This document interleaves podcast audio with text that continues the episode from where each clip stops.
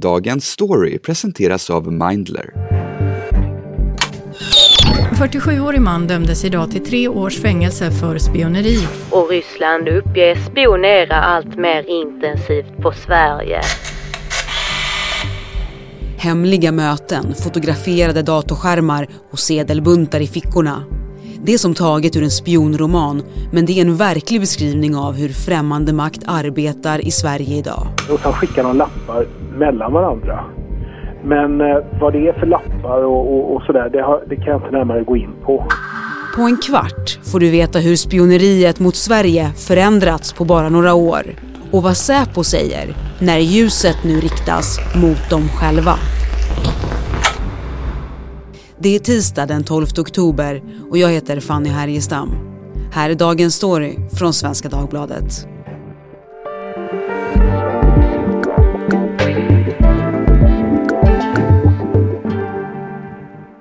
Frida Svensson, undersökande reporter här på Svenska Dagbladet. Du har ju skrivit mycket om uppmärksammade brottsfall och du intervjuade här nyligen den nya Säpo-chefen i Sverige. Hur var det? Ja, jag fick ju chansen där att göra den första stora intervjun med Charlotte von Essen då som är ny chef för Säkerhetspolisen. På Säkerhetspolisens liksom öppna öppna del om man säger i ett konferensrum. Eh, så mycket mer får man aldrig se. Det som händer när man kommer in på Säpo är ju att man, man åker upp för en rulltrappa och sen så är det så här snurrdörrar som man ser framför sig som är helt förtäckta så inte ens när liksom dörrarna rör sig kan man få en glimt av vad som händer där inne. Det, man slås av det här hemliga ganska direkt kan man säga. Men du, eh, vi ska prata här idag om främmande makt och främmande maktsintressen i Sverige, alltså spioneri. Säpo har ju sagt nu att främmande makts verksamhet har ökat mot Sverige och delvis ändrat karaktär. Berätta, vad sa de på Säpo om det här? Ja, det som Säkerhetspolisen har varnat för är ju att intresset för Sverige och kartläggningen av Sverige är mycket bredare nu och den pågår egentligen hela tiden. På försvarsstabens säkerhetsavdelning kopierade han topphemliga dokument och sålde dem till Sovjet. Hans spioneri pågick i omkring fem år och han fick enligt egen uppgift omkring 60 000 kronor av ryssarna från eh, förr då när det var ja men, Sovjet, eh, Ryssland som var egentligen den enda främmande makten som, som på allvar kunde hota Sveriges säkerhet så, så har det breddats till att det är fler länder som visar ett väldigt högt intresse för mycket mer saker helt enkelt. Det är ett eh, intresse för ja, men nästan allting skulle man kunna säga. Och visst var det här något då som eh, Säpochefen eh, beskrev för dig? Eh, ja, Charlotte von Essen upprepade ju igen då att eh, det här, det här hotet har ökat, det har blivit mer fördjupat och mer sofistikerat och främmande makt använder en, en liksom palett av verktyg och metoder för att direkt eller indirekt eh, skada Sverige. Vi kanske kan lyssna lite på vad hon sa. Genom att man från främmande makt är, är, har ett stort intresse för våran industri, våran forskning, våran utveckling som betingar stort värde för oss som land också. Blir, blir man bestulen den informationen så riskerar det ju att påverka vårt välstånd här i Sverige. Två fall som gäller främmande makts intresse för Sverige har väckt stor uppmärksamhet den senaste tiden. I det ena fallet ska en medelålders familjefar från Västsverige ha spionerat på företaget Scania för Rysslands räkning och tagit emot stora summor pengar via en rysk diplomat som i själva verket var underrättelseofficer. Göteborgs tingsrätt har idag onsdag dömt en 47-årig man från Västsverige till tre års fängelse för spioneri. Det andra fallet rör en myndighetschef som häktades för några veckor sedan. Mannen har tidigare varit anställd på både Säpo och Försvarsmakten och brotten ska ha begåtts mellan 2011 och 2015. Han misstänktes först för spioneri men rubriceringen ändrades till det som heter grov obehörig befattning med hemlig uppgift. Förenklat kan man förklara det som spioneri fast utan avsikten att gå en främmande makts ärende. Men Frida, visst är det så att den här personen, det här senare fallet, det här gripandet i Stockholm, den personen har jobbat på själva Säpo? Eh, exakt, och det är ju den faktorn som gör det här väldigt intressant. Att det är ju såklart väldigt ovanligt att Säpo gör ett sånt här tillslag, men när det sen visar sig då vem den här personen faktiskt är och att han då ska ha varit anställd på Säkerhetspolisen och Försvarsmakten under tiden för de här brotten som han är misstänkt för att ha begått då. Det höjer ju temperaturen enormt. Och det var ju faktiskt första gången som Säkerhetspolisen egentligen kommenterade det här fallet när jag, när jag intervjuade Charlotte von Essen. Eh, hon var ju såklart då väldigt ja, men hemlighetsfull om det men sa ändå att Eh, när det gäller det ärendet så kan jag egentligen bara då bekräfta det så att det här är en person som nu har häktades i torsdags av Stockholms tingsrätt. Och precis som du sa med den brottsrubriceringen. Och sen har vi arbetat med utredningen under eh, lång tid under ledning av, av åklagare vid Riksenheten för säkerhetsmål. Sen något annat vill inte jag kommentera. Mm, har, har, det hänt någon gång tidigare att en person som har varit anställd på Säkerhetspolisen har varit föremål för sådana här misstankar? Jag tänker att jag kommenterar inte ytterligare. Hur var stämningen i rummet? Ja men jag kunde ju se att hon sneglade en del på eh, presschefen där, Carl Melin, men, men de förstår ju självklart att det här är jätteintressant och att vi journalister måste ställa våra frågor men Säkerhetspolisen är en myndighet som inte ens när egentligen ett fall är avklarat ger särskilt många detaljer. Det får vi leva med. Komplext är bara, på vilket sätt menar du då när du säger att det är komplext? Um, inget ytterligare. Men Frida, vem är det som spionerar mot Sverige? Det är framförallt tre länder som Säkerhetspolisen pekar ut och då är det Ryssland, Kina och Iran det som de här länderna har gemensamt är att de är väldigt målmedvetna. De är väldigt uthålliga.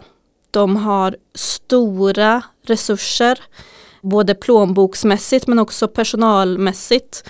Och man är väldigt offensiv för att nå sina mål. Och sen så kan spionaget skilja sig åt lite mellan dem.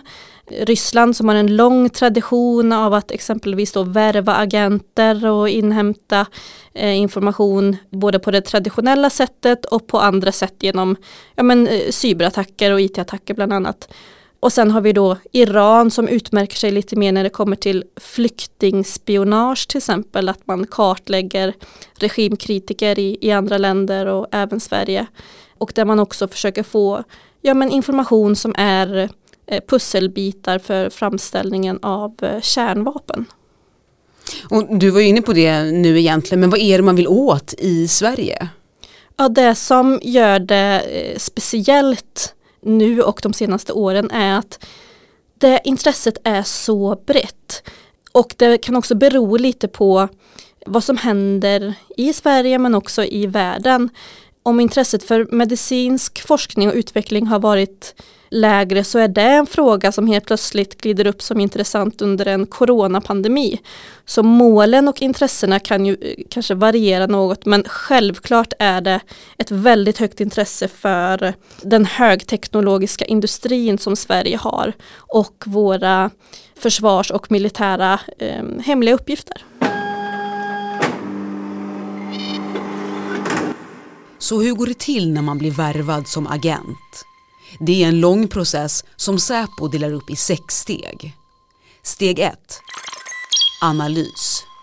Den främmande makten ställer sig frågan vilken information behöver vi? Steg 2. Målsökande. En underrättelseofficer får i uppdrag att hitta en person som kan dela med sig av rätt information. Steg 3. Studie. Den utvalda personen kartläggs minutiöst i allt från personliga egenskaper till familjens ekonomi. Steg 4. Närmandet. I den här fasen tar underrättelseofficeren en första fysisk kontakt. Den ska verka spontan men är i själva verket mycket väl planerad. Kanske tränar den utvalde personen på ett gym. Underrättelseofficeren skriver in sig i samma spinningklass. Steg 5. Vänskap. En kompisrelation inleds. Den tilltänkta agenten utsätts för en charmoffensiv och vänjer sig vid att ta emot gåvor. Vaksamheten och omdömet bryts successivt ner, ibland under flera år. Steg 6. Värvningen. Det är nu det händer. Värvningsfasen beskrivs som det svåraste ögonblicket i hela processen. Underrättelseofficeren ber den utvalda personen att lämna ut hemlig information. Om det går vägen är det klart. Den utvalde har nu blivit agent för ett annat land. Det man ska ha med sig är att, ja, men om vi pratar om Ryssland här då, så är de, de är ju experter på det här och de har ingen stress. Det här kan vara decennier av försök och eh, eh med myrsteg kan man ta sig fram mot att få tag i rätt person som, som ja, på ett till synes ganska vänskapligt sätt blir, blir lurad eller övertygad att, att hjälpa främmande makt. Och eh, det handlar ju också om enskilda individer jag har förstått som det spioneras på. Vad är poängen med det? Det som är viktigt att förstå när det kommer till främmande makts eh, sätt att utöva ja, men makt, då, då är inte Eh, landsgränser särskilt viktigt. Om eh, vi har en person i Sverige som uttrycker sig regimkritiskt mot sitt eh, hemland exempelvis, då ses det som en destabiliserande faktor för det egna landet. Det spelar ingen roll att den personen då inte befinner sig där utan att den kan vara i Sverige exempelvis. Där såg vi i början av, av 2020 så var det en tjetjensk medborgare som blev utsatt för ett mordförsök i Sverige. Och han var just en, ja, men en bloggare som uttryckte sig regimkritiskt. Och det ärendet hamnade då hos Säkerhetspolisen. Så det är ju en eh, det är ett väldigt eh, allvarligt brott, den typen av förföljelse av eh, regimkritiker och kartläggning utav flyktingar och personer som faktiskt har sökt skydd i Sverige och som tycker sig ha fått en fristad här fast man då kanske inte har det. Och jag tänker på de här två fallen nu som vi har sett, alltså att de har kunnat äga rum, är inte det ett misslyckande för Sverige och för Säkerhetspolisen? När det kommer till den gripne och häktade mannen här då som ska ha jobbat på Säkerhetspolisen, vad han möjligtvis har gjort och under vilka liksom, förhållanden det har gått till. Om det har varit så att Säpo har haft en, en mullvad under flera år som man inte har upptäckt. Det är klart att det kan vara liksom, början på en skandal som rullas upp nu men, men vi, vi vet faktiskt alldeles för lite än. Men sen i det andra fallet då handlar det ändå om att, att Säkerhetspolisen har bedrivit en utredning som har lett till en fällande dom. Det blev tre års fängelse i tingsrätten. Den domen är dock överklagad så vi får se vad som händer i, i hovrätten. Men att få en fällande dom eh, när det kommer till spioneri, det är, ju, det är ju unikt. Och det är ju för att främmande makt är experter på den här verksamheten och eh, är experter på att inte lämna några som helst spår bakom sig. Så det är ju ett, det är en jätteutmaning att jobba mot det här hotet som Säkerhetspolisen har.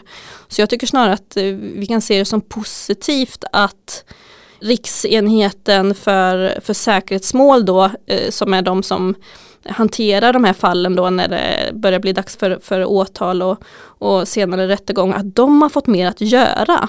Det är ändå ett gott tecken. The real no holds barred inside story of espionage. Men du Frida, det här var ju långt ifrån första gången du intervjuade en Säpochef. Hur många gånger har det blivit egentligen med olika Säpochefer?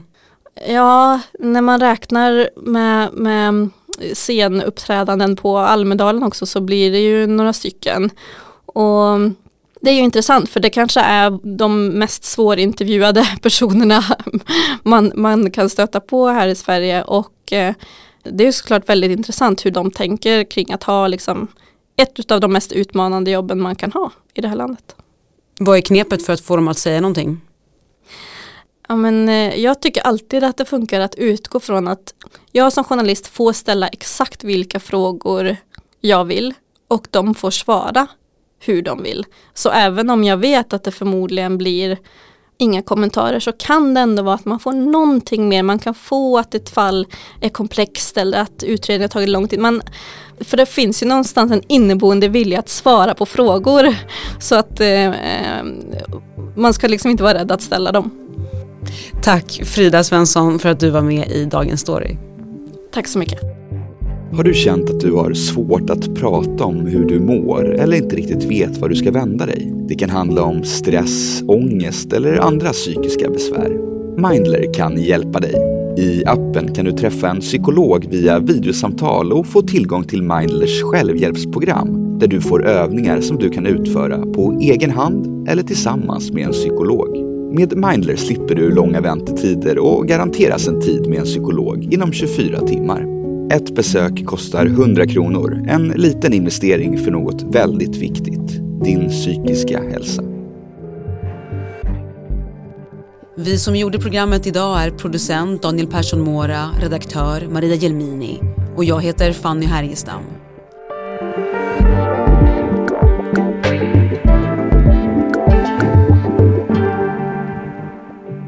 Du har lyssnat på Dagens Story från Svenska Dagbladet. Klippen idag kom från SVT, SR, TV4, Expressen, Aftonbladet och från filmen The Spy Who Came In From The Cold.